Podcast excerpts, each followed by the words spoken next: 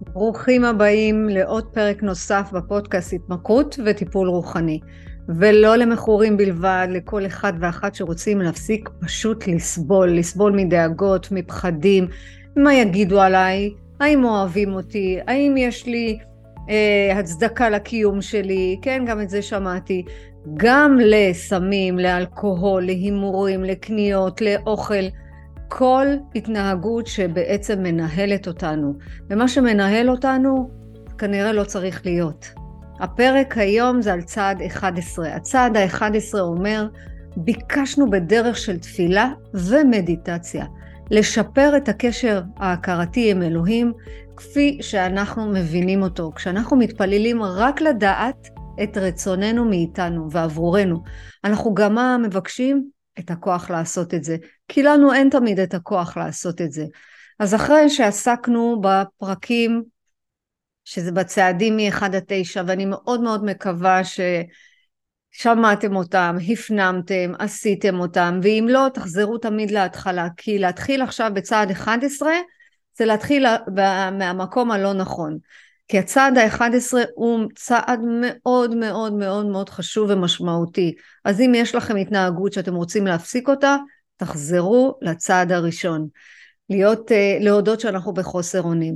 הצעד הראשון והתשיעי, אנחנו עסקנו בעיקר בשחרור של העבר שלנו, בדפוסי ההתנהגות שלנו. למה? כדי שנוכל לחוות את ההווה, כדי ש... נהיה כל הזמן ברק להיום. צעד 10 זו התחזוקה היומיומית שלנו, והצעד ה-11 זה כבר עולם אחר לגמרי לגמרי לגמרי. כאן אנחנו מתקדמים הלאה. עבודה רוחנית, לרפא את הנפש הפצועה שלנו. מה זה נפש פצועה? זה הנפש שחוותה כל מיני חוויות בילדות, שחוותה כל מיני אה, ניסיונות עבר, זה יכול מאוד להיות חס וחלילה איזשהו פוסט טראומה, זה יכול להיות איזושהי התעללות נפשית ופיזית, זה יכול להיות התעללות כלכלית, וזה יכול להיות משהו שאנחנו באמת לא יודעים אפילו מה. לא חייבים שיקרה משהו כדי שנרפא את הנפש שלנו. והנפש שלנו, מדברים על, כל הזמן מדברים על הרוח.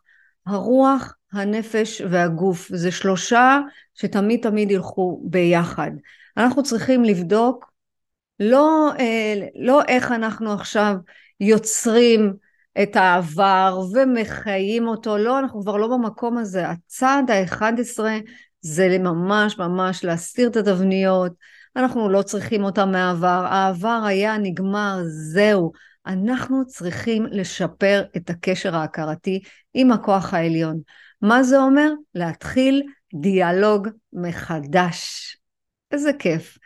זאת אומרת שאם אני מתחילה דיאלוג מחדש עם האלוהים, זה לא מה שלמדתי בבית ספר. אני למדתי בבית ספר דתי, וכל הזמן היה שם נו נו נו, אם לא תעשו את זה תקבלו עונש, אם לא תהיו בזה תעשו את זה, תקבלו עונש. אלוהים אוהב, ובחסד אלוהים אוהב, אין עונשים, אין עשה ואל תעשה. יש אלוהים אוהב ככה, עם הפגמים שלנו, עם החסרונות שלנו, עם היתרונות שלנו, כי הרי הוא שם את זה. אז כשאנחנו מתחילים דיאלוג חדש עם האלוהים, אנחנו מבקשים לטפל ולטפל ול, ביתרונות שלנו. אם עד עכשיו ביקשנו לשחרר מועקות ולשחרר פגמי אופי ולשחרר את תבניות ההישרדות, עכשיו מתחיל דיאלוג אמיתי.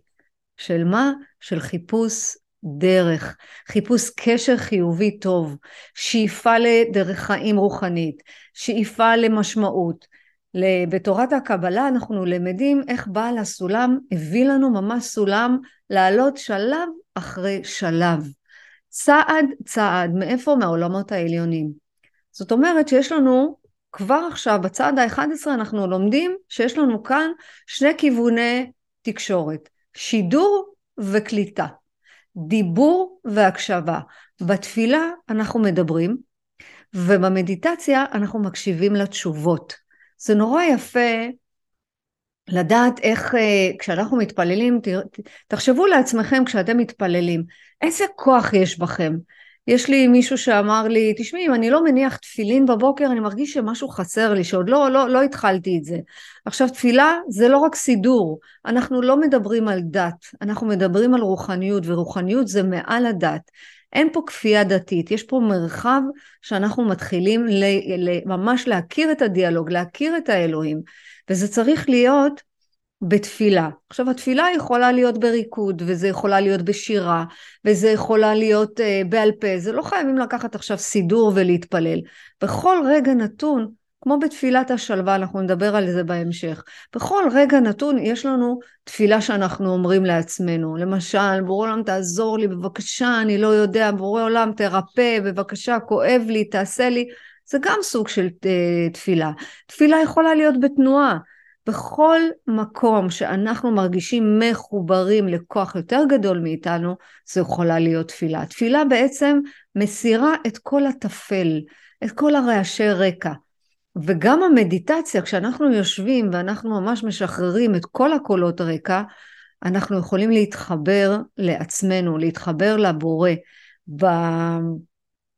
כשאנחנו יושבים במדיטציה, אנחנו מתחילים להיות בהקשבה. זה יכול להיות בדיבור, זה יכול להיות דרך המחשבות, זה יכול להיות גם מסרים שמגיעים. כמה פעמים נכנסתם לרכב ושאלתם שאלה וקיבלתם את זה דרך שיר, ופתאום הרגשתם שוואלה זאת התשובה שמתאימה לנו, או שפתחתם איזשהו ספר והרגשתם שזה מדברים אליכם, או שאפילו שני אנשים שעוברים ונותנים לכם את התשובה לשאלה ששאלתם. ככה זה מגיע. יש, אה, יש מסרים שאנחנו מקבלים גם דרך הגוף, אם חס וחלילה יש חולי בגוף, זאת אומרת שמשהו לא עובד כמו שצריך, זה לא בגלל שעשינו דברים לא טובים, ממש ממש לא. הכאב בא לעורר אותנו. התכלית של 12 הצעדים זה להתאים את הרצון העצמי לרצון של כוח העליון.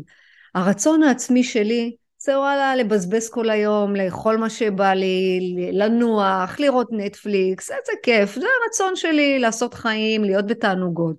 והרצון של הבורא זה להשפיע, כל הזמן להיות בהשפעה. הרצון שלו זה שאנחנו נהיה מאושרים, אבל מאושרים בלי תלות.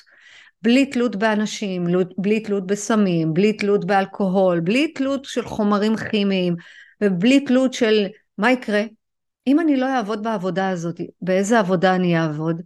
לא להיות תלויים בבוס, לא להיות תלויים במצבי רוח של האנשים. זאת אומרת שכל 12 הצעדים זה להתאים את הרצון שלי לרצון הכוח העליון, האלוהים, הבורא, כפי שאנחנו מבינים אותו. וזה המשך ישיר של צעד שלוש. הצעד השלישי אומר, אני צריך לבחור או בשימוש או באלוהים. זה הצעד השלישי. זאת אומרת שאנחנו עכשיו, יש לנו החלטה ובחירה. זה ממש המשך של צעד שלוש. לאורך כל הדרך הצעדים ממש מוטבים. תשמעו, הדר... הצעדים זאת אה, ממש התוויה של דרך רוחנית. התסמינים שאנחנו מרגישים, נכון? לפעמים יש לנו תסמינים שאנחנו בחס וחלילה בדיכאון, בעצב, בחולי, בקושי, בכעס, בשנאה, בטינה. אני חושבת שזה תסמינים של התקופה שאנחנו נמצאים בה. אנחנו נמצאים בה כי אנחנו כל הזמן מחפשים פתרון חיצוני, כאן ועכשיו. אני רוצה היום את הדבר הזה, היום שזה יקרה. אין לי זמן, אין לנו סבלנות, אין לנו סובלנות כלפי האחר. תראו מה קורה בכבישים, תראו מה קורה לנו בעבודה. וזו התקופה הזאת, כדי שאנחנו נתעורר, שאנחנו נגיע לדרך רוחנית. הפתרון האמיתי בא אך ורק מתוכנו. השיטות החיצוניות כבר לא מתאימות לנו. זאת אומרת, אה, יש עכשיו איזושהי שיטה של דיאטה, כולם רצים לעשות אותה. יש שיטה בלי פחמימות, כולם רצים לעשות את זה. יש שיטה של אה, אה, להפסיק לאכול בשש, כולם רצים לעשות את זה. יש עכשיו, אני לא יודעת מה, כל מיני טרנדים כאלה שאנחנו כל הזמן מנסים להתאים את עצמנו לסביבה. השיטות האלה לא מתאימות לנו יותר, אין. אנחנו משתמשים בהם כדי לנסות להתמודד עם התקופה הזאת. התקופה הזאת שהיא לא כל כך פשוטה. עכשיו תחשבו על אדם שיש לו אכילת יתר כפייתי, והוא כל הזמן מנסה שיטת דיאטה אחרת. זה כבר לא עובד לו. השיטה הזאת היא שיטה פתרון זמני. איך אמרה לי מתאמנת? הנאה זמנית, אני כבר הבנתי מה זה, זה השחטה הראשונה בפייסל, או הרגע שלפני השחטה. ההנאה הרגעית הזאת היא כבר לא, היא כבר לא, אין, היא כבר לא נותנת לי את הפתרון הזה, זה כבר לא, לא נעים לי, זה כבר לא נחמד לי. ברגע שהיא הפסיקה לעשן, ברמה היומיומית, היא כבר לא מעשנת בחסד אלוהים אוהב, היא הבינה מה זה אושר אמיתי.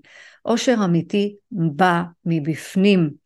זה רוח אלוהים מפי החיים. זה ממש מין תחושה כזאת שאתה מבין שאם אתה מתחבר לעצמך, ואם את מבינה שאת מתחברת לעצמך, את יודעת שהאושר הזה זה האושר.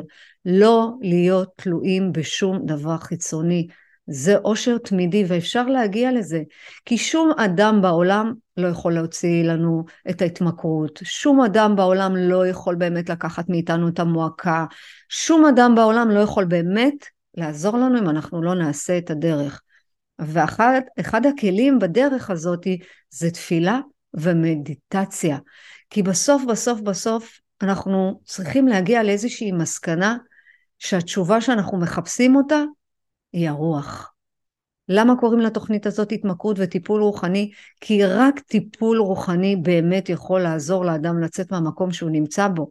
זה משהו שנמצא מעל הדעת, זה לא נמצא בגוף, בראש, שזה פה נמצאת החוכמה, מה אני רוצה, אני מתכננת כל כך הרבה, זה לא נמצא בגוף, אני מה אני עושה, איך אני מביאה לידי ביטוי את הרעיונות שלי, זה נמצא מעל הדעת, זה נמצא בתוכנו, מחוצה לנו, אבל בעיקר, בעיקר, בעיקר בתוכנו.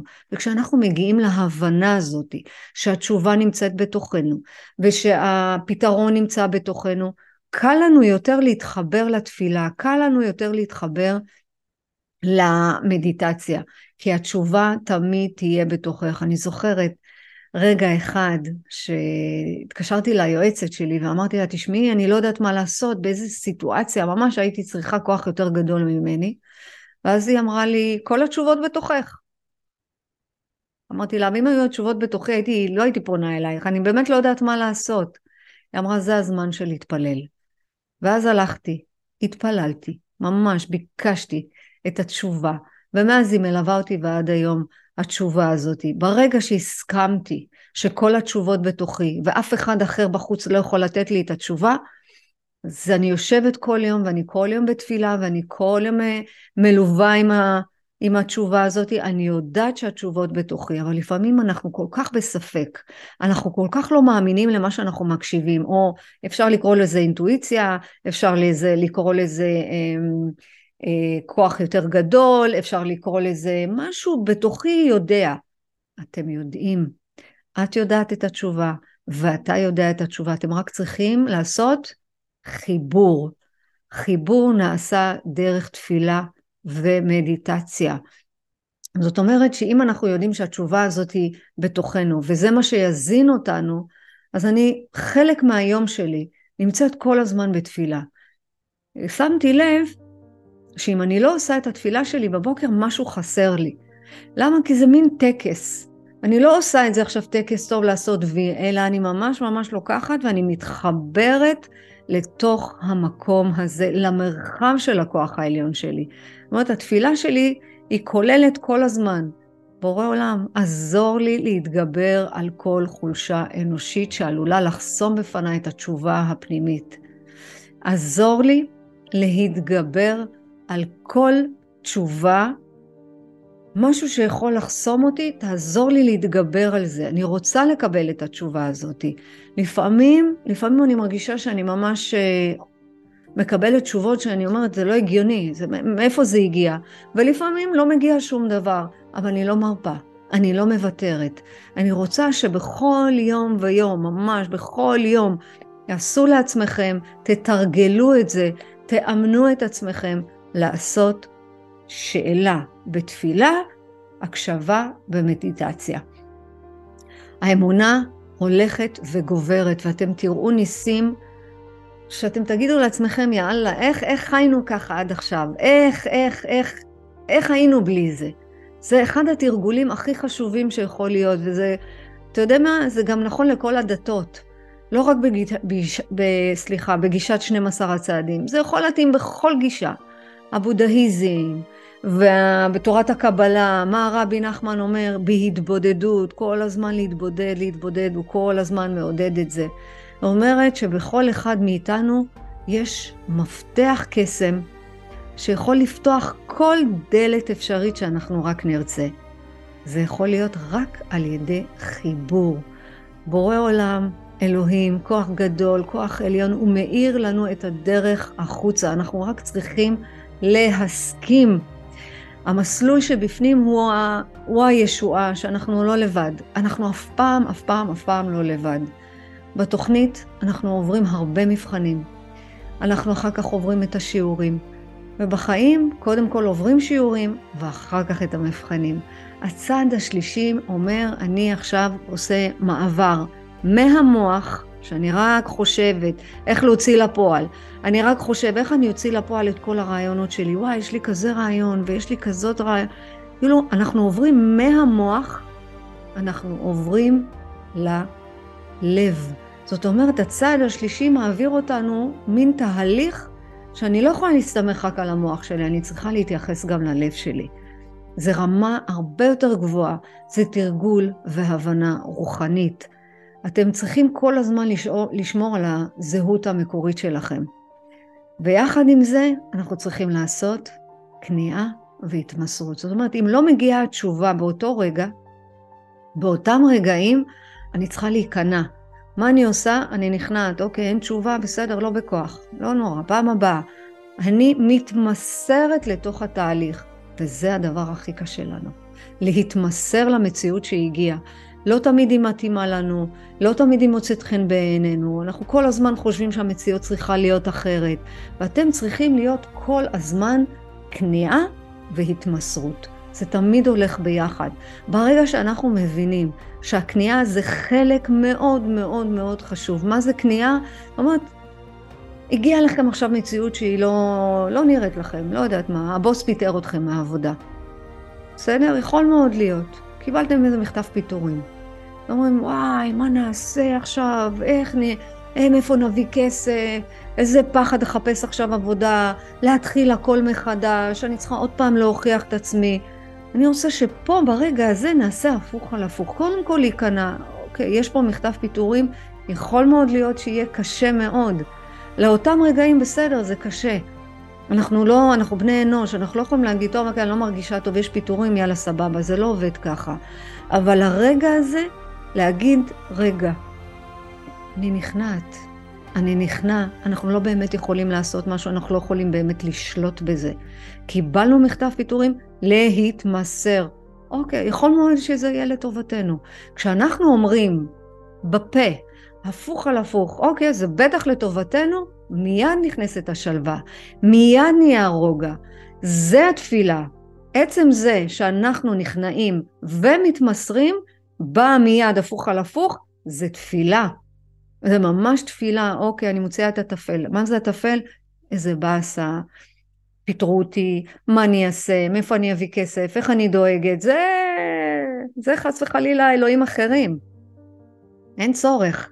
אבל כשאנחנו בדרך הרוחנית, אנחנו בצעד 11, זה עולם אחר לגמרי לגמרי. הצעד ה-11 אומר, בכל רגע נתון אתם יכולים לשאת תפילה. וזה נורא יפה. זאת אומרת שאם אנחנו מבינים שהריק נמצא בתוכנו, והוא יוצר את הפחד. ובגלל הריק, אנחנו מחפשים כל הזמן למלא את הריק הזה. אתם מכירים את הריק, אתם יכולים להזדהות עם זה. הבור השחור הזה שאנחנו כל הזמן מחפשים למלא אותו. יכול מאוד להיות שאנחנו ממלאים אותו בסמים, או באלכוהול, או באוכל, או בקניות, או ביחסים, ריטלין, כדורים, כל מה שמשנה תודעה. כל מה שמשנה תודעה. למה? כדי לא להרגיש. לא להתמודד. העיקר לא להתמודד. הפחד הכי גדול של כולנו כבני אנושים זה לא להתמודד. אנחנו נעשה הכל רק לא להתמודד עם המציאות. הגיע פיטורים, לא יכולה להחזיק את החיים, זהו. חרב עולמנו. מה אנחנו יכולים לעשות, לעשות ברגע כזה? או ללכת לאחייה כפייתית, או ללכת לסמים, או ללכת לאלכוהול, או ללכת לחס וחלילה עצב או דיכאון. זה ריק. אנחנו ברגעים האלה מבינים שאנחנו לא מחוברים לכוח העליון. למה? שינו לנו את המסלול.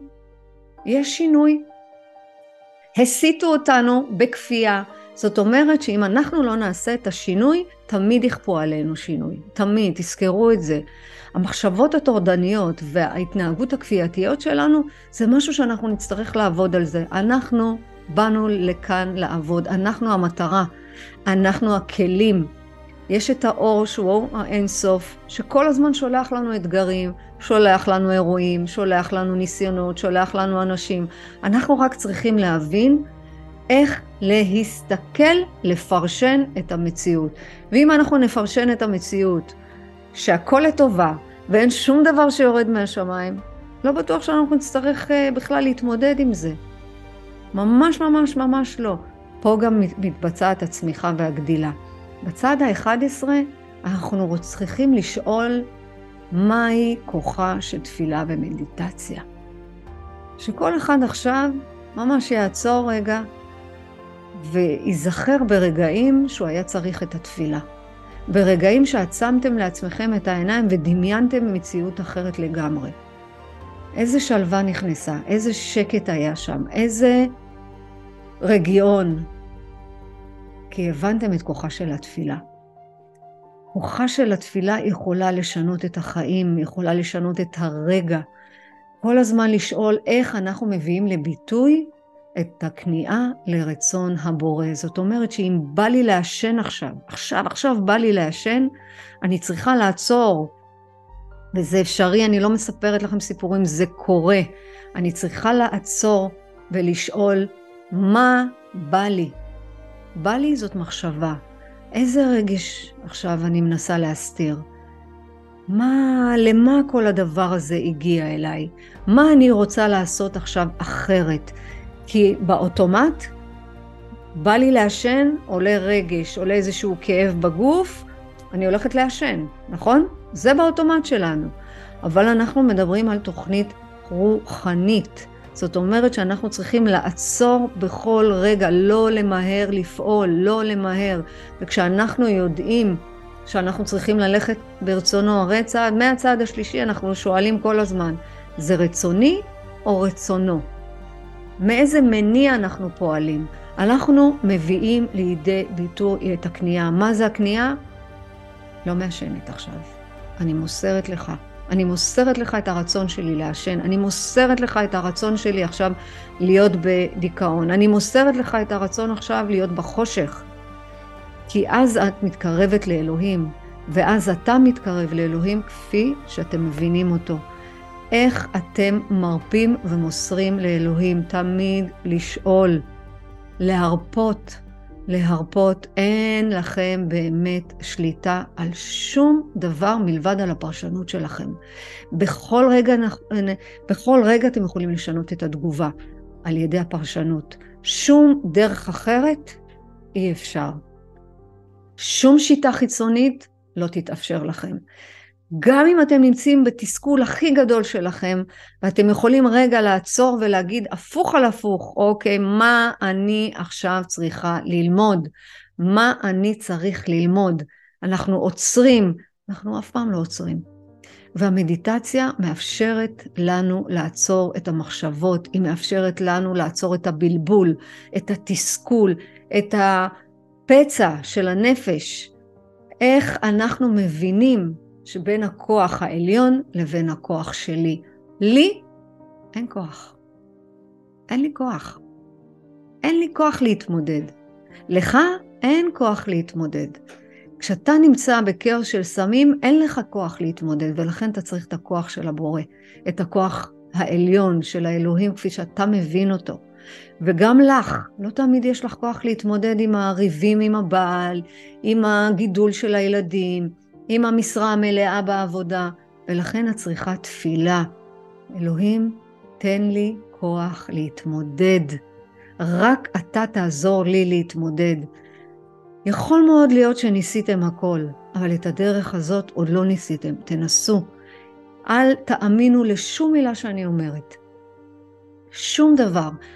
עד שאתם לא תנסו בעצמכם. אם לא תנסו את כוחה של התפילה ולא תנסו את כוחה של המדיטציה, אתם לא תדעו על מה אני מדברת, ולכן חשוב, חשוב, חשוב, חשוב. אל לנו ליפול לתוך הריקנות. הריקנות זה השורש של הסבל, של הסבל האנושי. כולם עוברים את זה, כולם. ככה או אחרת. אבל מתי אנחנו יוצאים מזה? כשאנחנו מבינים שסבל זה פרשנות. כאב בגוף זה אמיתי, ואנחנו לא יכולים להיכנע לו. אם אנחנו רוצים לדעת כמה אנחנו מחוברים לאלוהים, זה לפי מידת הריקנות שלנו. חשבתם על זה? ככל שאנחנו מרוקנים, ככה אנחנו מנותקים. ככל שאנחנו מחוברים, ככה אנחנו מלאים. אתם צריכים להבין שכשאתם בחושך, אתם בעצם לא מחוברים. אם את בחושך עכשיו, שיא תפילה. אם אתה בחושך, שא תפילה. תעשו את התפילה הזאת.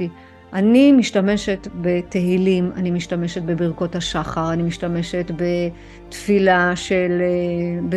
לומדת את ספר דברים, אני לומדת את ספר הזוהר, אני לומדת קבלה. אני בכל רגע נתון לומדת מי זה אלוהים. אני רוצה לגלות אותו. זה התפקיד שלנו פה בעולם הזה, לגלות מי זה הבורא, מי זה אלוהים ומה רצונו מאיתנו. לשים לנגד עיניכם כל הזמן את הרצון של הכוח העליון. למה? זה עושה סדר. זה עושה סדר. אם אנחנו יושבים עכשיו ונניח מרכלים, ואנחנו יודעים שזה פוגע לנו בנפש, ואנחנו יודעים שלשון הרע, עכשיו אנחנו צדקנים, ואנחנו לשון הרע, כולם מדברים, אבל זה לא הדרך. אז אנחנו מבינים שאנחנו עושים משהו לא נכון, למה? כי אנחנו מרגישים אחר כך סבל מזה. תנסו, תבדקו את עצמכם, מה קורה לכם כשאתם נמצאים שם. הצעד ה-11 מדבר על התפילה כאל פנייה אל כוח העליון. והמדיטציה זה הקשבה לתשובה שלו.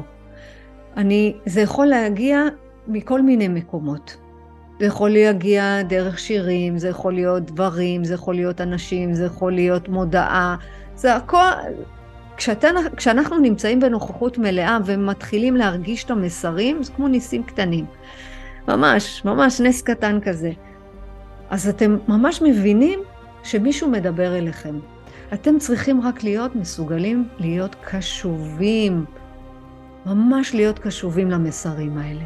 גישת 12 הצעדים היא כל כך חכמה, היא כל כך מיוחדת, כי ביל ווילסון המייסד הבין שבהתחלה זה נורא קשה. תראו, הצעדים מ-1 עד 9 אין בכלל מדיטציה. כאילו, יש תפילה, את תפילת השלווה, אבל אין, לא מבקשים מאיתנו לשבת במדיטציה. למה?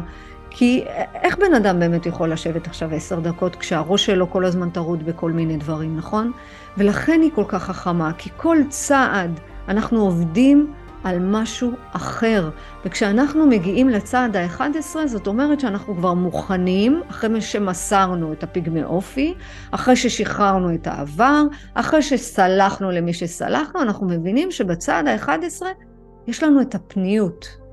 להיות קשובים דרך המדיטציה. אז מצעד לצעד, מתפילה לתפילה, אנחנו נלחמים בתוכנו. אנחנו נלחמים בראש, אנחנו נלחמים במוח, אנחנו נלחמים בהצפה שכל הזמן נמצאת פה. בזה אנחנו נלחמים, אנחנו לא נלחמים באנשים, אנחנו לא נלחמים בסמים, אנחנו לא נלחמים בכל התוצאות שהגענו אליהן בעקבות ההתנהגות או בעקבות מה שעברנו כילדים. אנחנו נלחמים בתודעה הזאת. גם פה, כשאנחנו יושבים ואנחנו בתפילה ואנחנו במדיטציה, גם יש מלחמה, אבל מפעם לפעם, מתרגול לתרגול, מאימון לאימון, הרבה יותר קל לנו, ויותר מזה, אנחנו לא יכולים אחר כך בלי זה. אי אפשר. זה חלק מאוד מאוד חשוב, זה חלק בלתי נפרד מהחיים שלנו. אנחנו לא צריכים בקבלה ובחסידות אומרים לא צריך להתאמץ, לא צריך בכוח שום דבר. הכל בא כשאנחנו בהרמוניה ואנחנו בזרימה ואנחנו בשיתוף עם הבריאה. יש את הבורא ואנחנו הנבראים. וכשאנחנו הנבראים אנחנו בשיתוף ועושים בשיתוף פעולה יחד איתו, אז הכל בהרמוניה. הכל מתנגן כמו שצריך. כי כשמגיע אירוע אנחנו כבר לא מטולטלים, אנחנו אומרים אוקיי, יש פה למידה, יש פה מחשבה, יש פה רגש, יש פה עניין שאנחנו צריכים לעבוד עליו, זה הכל, ואז אנחנו מתבוננים. מה אנחנו צריכים לשפר עכשיו בקשר ההכרתי? לא איך אני הולכת לפתור את האתגר, לא איך אני הולכת לפתור את המציאות, ממש לא. האם אני מחוברת לבורא? האם אני מחובר לכוח העליון שלי או לא? בשביל זה האירועים מגיעים אלינו. כולי תקווה שאתם תזכרו את זה ברגעים האמיתיים, וגם אם לא, כל פעם לחזור לפרק הזה, וכל פעם לשמוע אותו. זאת אומרת, אנחנו בהרמוניה עם חסד אלוהים אוהב. שאלו אותי, מה זה חסד? חסד זה אהבה, חסד זה אחדות, חסד זה טובה, חסד זה נתינה, חסד זה תגמול, חסד זה פיצוי, חסד זה כל העולם הוורוד נקרא לזה, זה החסד. כשהבורא נותן לנו עוד יום, כשהבורא נותן לנו פרנסה ושהוא נותן לנו את האנשים המדויקים למסע שלנו, זה החסד של אלוהים אוהב. שגם אם הוא מביא לנו את האירועים האלה, זה בשביל לעורר אותנו, זה הכל. כי כל כאב בא לעורר, הוא בא לעורר אותנו לעשות שינוי.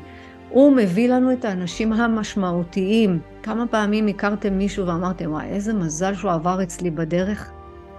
איזה מזל שדרכו למדתי, או אותו לימדתי? אז אם אנחנו רק נעשה את רצונו, אנחנו נהיה במקום אחר לגמרי לגמרי. מהו הרצון שלו? מי, מי יודע מה הרצון שלו? אנחנו רק יודעים שאנחנו צריכים לעשות את רצונו. הרצון שלו שאנחנו נהיה מאושרים. אם אנחנו נלך בדרך הזאתי, זה תלוי בנו. אנחנו כל הזמן צריכים לגלות מה הרצון שלו, ואני אומרת לכם מניסיון, כמכורה שכל הזמן הייתה עסוקה בתדמית ועסוקה בקניות ועסוקה באוכל, מה אני אוכל עכשיו, מתי אני אוכל, לא אכלתי את זה ואני לא אוכל את זה, ו... וכשישבתי לאכול אז אכלתי בלי סוף. וממכורים שהיו מכורים למחשבות, מכורים לשלמות, מכורים למושלמות, מכורים לעבודה, מכורות להימורים. ברגע שהם הבינו שהרצון של הבורא זה שהם יהיו מאושרים, זה השקט, זה איזשהו שקט פנימי. אנחנו בדרך לשם, אנחנו עוד לא שם, כולנו בדרך לשם, גם אני בדרך לשם. אנחנו כל יום מגלים מחדש מה הרצון שלו. אבל הכי חשוב שתתחילו לחפש. וכל פעם צעד צעד, ויום ויום, שעה שעה, לחפש. והכי חשוב, אני רוצה לתת פה תקווה. התהליך הוא איטי, ממש ממש ממש איטי. אי אפשר לקפוץ מדרגה למדרגה, אי אפשר להתחיל לצעד אחד ולהגיע ישר ל-12. אי אפשר שהזרע שנמצא ברחם יהיה בחודש הראשון ופתאום יגיע לחודש התשיעי. זה תהליכים בחיים. אנחנו פה בגלגולים כל הזמן לעבוד ולעבוד ולעבוד, ולכן זה לוקח זמן. אז לא משנה איפה אתם נמצאים עכשיו, לא משנה איפה את נמצאת, באיזה דרגה את נמצאת, באיזה מקום את נמצאת, את תמיד יכולה להתחיל מההתחלה. תמיד, לא משנה מה היה, תזכרי שהיום את מתחילה. לא משנה באיזה נקודה אתה נמצא, ואתה אומר לעצמך, וואו, איך אני אגיע לזה? אתה תגיע לזה עם הרצון שלך, לאן שהאדם רוצה ללכת, מוליכים אותו. איפה שאתם תרצו ללכת, כאן בתודעה יוליכו אתכם על ידי אנשים, על ידי מקומות, על ידי אירועים, על ידי ניסיונות, אבל יובילו אתכם למקום שאתם תרצו להיות בו. והכי חשוב, אם את נמצאת עכשיו וחס וחלילה, ואת מרגישה שאת באנורקסיה, ואת לא יכולה ואת לא מוצאת פתרון לזה, קודם כל תמיד את יכולה לפנות, הנה אני, תפני, תפני אליי, אני פה, אני, אני פה ואני מוכנה לעזור. ואם אתה נמצא בכאוס, ממש, אה, איך אחד המשתתפים אמר לי, אני בשפל, אני רק כל הזמן, כל הזמן נופל לאותו מקום, אתה בסוף תקום, כי אתה רוצה לצאת מזה. אתם תצאו מזה, העיקר להתחיל את הדרך, מה ללמוד מה הרצון שלו. תלמדו כלבלה, תמצאו מכור שיכול לעזור לכם, תשתתפו בתוכניות, אל תישארו עם זה לבד. אין זמן ומרחק, יש דיוק ונכונות. ככה עובד עולם הרוח. כשאנחנו מקבלים את מה שהבורא העניק לנו במציא, במציאות הנוכחית, אנחנו כל הזמן צריכים לשאול את עצמנו, האם זה מחבר אותי? האם זה מנתק אותי? זה מה שאנחנו רוצים. ואז יש שקט, ואז הנפש מבריאה. אנחנו צריכים לשים על הרצון. מה זאת אומרת? כשיש לנו ממש ממש חשק למשהו, או רצון להוציא לפועל משהו, אנחנו צריכים רגע לעצור. תמיד תזכרו שמדיטציה זה יכול להיות שתי דקות, דקה, עשרים דקות, שעה, אין לזה זמן. מה שנכון לכם. העיקר לשבת ולהיות עם הצהרת כוונות, כי זה הכי חשוב. כשאנחנו עם הצהרת כוונות, הכל עובד כמו שצריך. יש לי מתאמנת שכל הזמן, כל הזמן בציפייה מהסביבה. כל הזמן. תחשבו איזה סבל נוראי זה. היא בציפייה שיעשו את מה שמבקשת. היא בציפייה שהסביבה תכיל אותה. היא בציפייה שכולם יאהבו אותה. היא בציפייה שיעשו את מה שהיא רוצה. אז כל הזמן, מה קורה לה? בדיוק, מתאכזבת. איך אמרה תורת ימימה? המצפה, מצפה להתאכזב. גם אתה, כשאתה מצפה, אתה מצפה להתאכזב. הסביבה לא תעשה עבורנו את העבודה. הכל זה עבודה פנימית שלנו. כי אנחנו צריכים כל הזמן להבין שהמציאות זה להרגיש כאב, להיות בחוסר ודאות ועבודה עצמית. אז אם היא בציפייה, כל הזמן על מה היא הייתה צריכה לעבוד? לא לחנך את האנשים כשזה מה שהיא חשבה, אבל הם לא מקשיבים לי, הם לא, לא עושים את מה שאני אומרת. אמרתי, נכון, כי את לא צריכה לשנות את הסביבה, את צריכה לשנות באומץ את הציפייה, את הרצון שלך שיעשו. כשאת מבקשת עכשיו בתפילה, תבקשי, בורא עולם, תהפוך את הציפייה שלי למשהו שהוא טוב עבורי, תיקח את זה ממני. זה חיסרון שלי שכל הזמן מונע ממני לראות את הטוב באחרים. למה? כי אם הם לא עושים את מה שאני מבקשת, אז אני רואה רק שהם עושים לי רע. אני מבקשת ממך בורא עולם, תעזור לי, תעזור לי לצאת מהריכוז העצמי שלי, תעזור לי, תיקח ממני את הציפייה, זוהי התפילה. יותר מזה, להתפלל על זה זה ברמה יומיומית, וגם כשיש את העכשיו ברגע הזה, ציפייה זה לעצור ולהגיד בורא עולם, אני לא יכולה לבד, אני נכנעת. תיקח ממני את הרצון שיעשו את מה שאני מבקשת. תיקח ממני את הציפייה שלי. עזור לי למסור לך את הציפייה. זה למסור, כמו בצעד שלוש. אני יודעת שיש בתוכי ציפייה. והציפייה הזאת היא זו שמובילה אותי חס וחלילה להתמכרות, היא זו שמובילה אותי לריקנות. אז אני צריכה באומץ רב למסור לו את זה. מתי זה ישתחרר ממני? בחסד אלוהים אוהב, התוצאות לא בידיים שלנו. אנחנו צריכים לעשות עבודה עצמית, להתפלל על החיסרון שלנו. מתי הוא ייקח את זה? זה בידיים שלו. לכן אין לנו מה לעשות עם תוצאות. אנחנו אנחנו בעידן הזה רודפים אחרי תוצאות, לא צריך, תשאירו את התוצאות בידי שמיים. אנחנו צריכים רק לעבוד על מה שיש בתוכנו. אל לנו לשנות, לנסות לשנות את הסביבה, כי אנחנו נסבול מזה. אף אחד לא חייב לנו שום דבר. העולם לא חייב לנו שום דבר. אנחנו לא חייבים לאף אחד שום דבר, לכן אנחנו צריכים להרפות מציפייה, למסור את זה לבורא עולם. בנוסף, ביקשתי ממנה כל הזמן לשאול, כשאת בציפייה, זה מחבר אותך לסביבה? כשאת בציפייה, זה מחבר אותך למקור, או שזה רק עבורך, או שאת רואה רק את האינטרס שלך? האם את מרוכזת רק בעצמך ולא אכפת לי מה יחשבו עליי, לא אכפת לי מה יגידו? העיקר שיעשו מה שאני רוצה, זו גאווה. ברגע שהיא הפנימה את זה, והיא התחילה להתפלל על הציפייה, והיא התחילה לשאול האם זה עבורי או עבור כוח יותר גדול ממני, זאת אומרת, אני שמה עכשיו את בורא עולם. כשאני בציפייה ואני חושבת שיעשו מה שאני רוצה, האם זה מחבר אותי למקור שממנו הגעתי? ככה אלוהים רוצה שאני אתנהג? זה הרצון שלו? ממש ממש לא. ולאט לאט, לאט לאט, מפעם לפעם, מתפילה לתפילה, משאלה לשאלה, ממדיטציה למדיטציה, זה ישתחרר ממנה בחסד אלוהים אוהב. והיום הרבה יותר טוב לה מהסביבה ומעצמה. לכן אנחנו צריכים את המדיטציה, להשתיק את הקולות של האחרים.